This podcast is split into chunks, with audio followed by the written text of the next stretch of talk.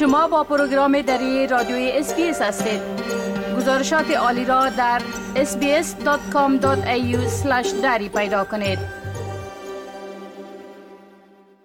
شنونده های عزیز حال همکار ما سام انوری درباره موضوعاتی که در این هفته در وبسایت ما نشر شده صحبت می‌کنن.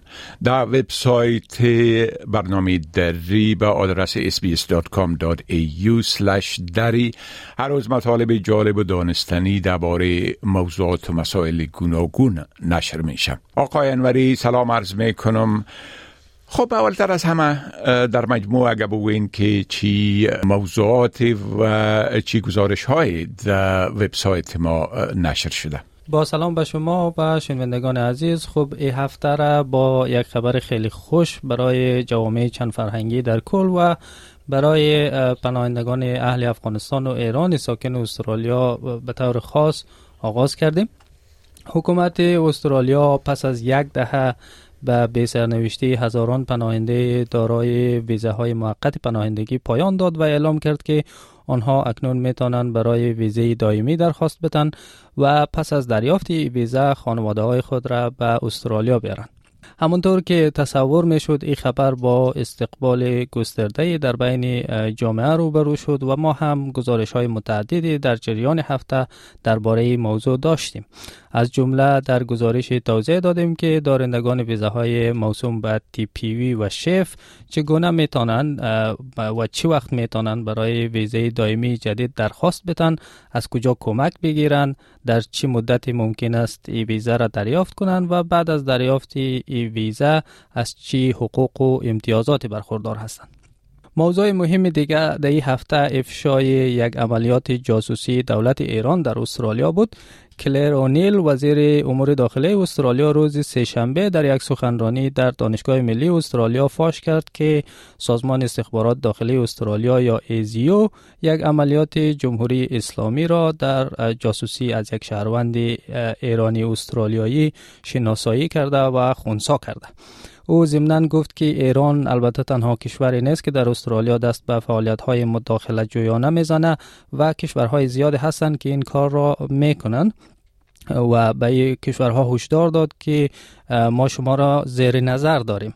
به همین دلیل شماری از تحلیلگران به این باورند که وزیر داخله به, این دلیل ایران را انگشت نما کرده که هزینه سیاسی و اقتصادی نسبتا کمی می‌تونه داشته باشه بر استرالیا و خواسته که از این طریق به کشورهای بزرگتری چون چین هشدار بده.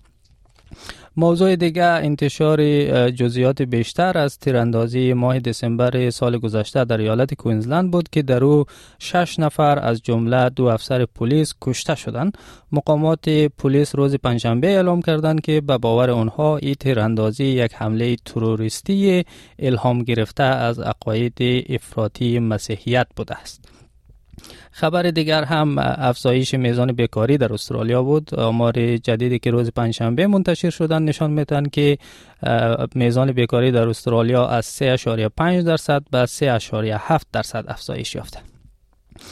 علاوه بر اینها اخبار و مطالب متعدد دیگری هم داشتیم که شنوندگان عزیز ما می‌توانند آنها را در وبسایت ما دنبال کنند. بله خب درباره قصد حکومت برای دادن ویزه دائمی به دارنده های ویزه های موقت بریجینگ صحبت کردین.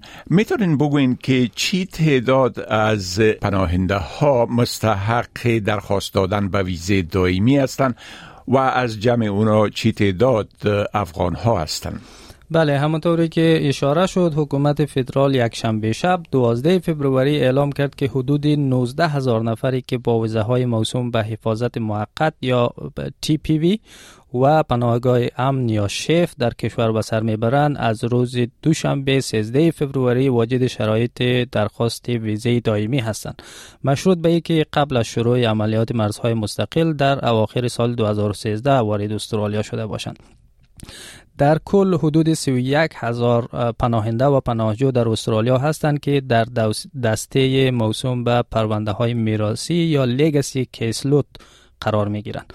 از این میان تکلیف حدود 19 هزار نفر مشخص شده که اکنون می‌تونن برای ویزه دائمی حل فصل وضعیت یا Resolution of Status زیر کلاسی 851 درخواست بتن از میان 19 هزار نفر بیش از 6500 تن آنها اهل کشور ایران و بیش از 4570 نفر دیگر از افغانستان هستند.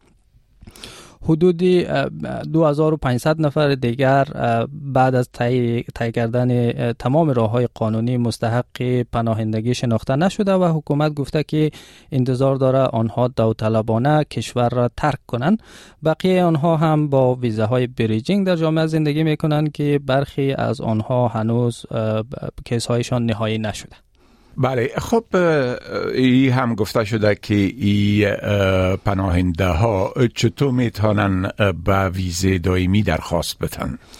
بله وزارت امور داخله حدود 19 هزار نفر را که قبلا اشاره کردم فعلا واجد شرایط هستند به دو دسته کلی تقسیم کرده.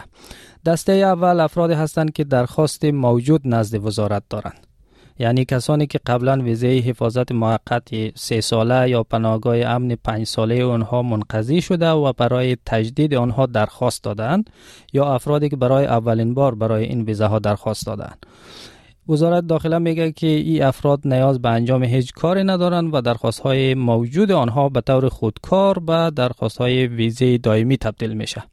البته اگر آدرس شماره تماس یا ایمیل آنها تغییر کرده باشه لازم است که به وزارت اطلاع بتن دسته دوم افرادی هستند که درخواست موجود نزد وزارت ندارند. یعنی کسانی که ویزاهای سه ساله و پنج ساله آنها هنوز اعتبار داره حکومت میگه که افراد فعلا نمی‌تونن برای ویزه دائمی درخواست بتن و از اواخر ماه مارچ به صورت تدریجی از آنها دعوت میشه که درخواست خود را درج کنند آنها بعد از دریافت نامه وزارت می‌تونن که به صورت آنلاین از طریق ایمی اکاونت درخواست خود را درج کنند. بله خب بسیار تشکر آقای انوری از این معلوماتتان و فعلا شما را به خدا می سپارم و روز خوش برتان آرزو می کنم تشکر از شما. روز خوش. بپسندید شریک سازید و نظر دهید. اسپیس دری را در فیسبوک تعقیب کنید.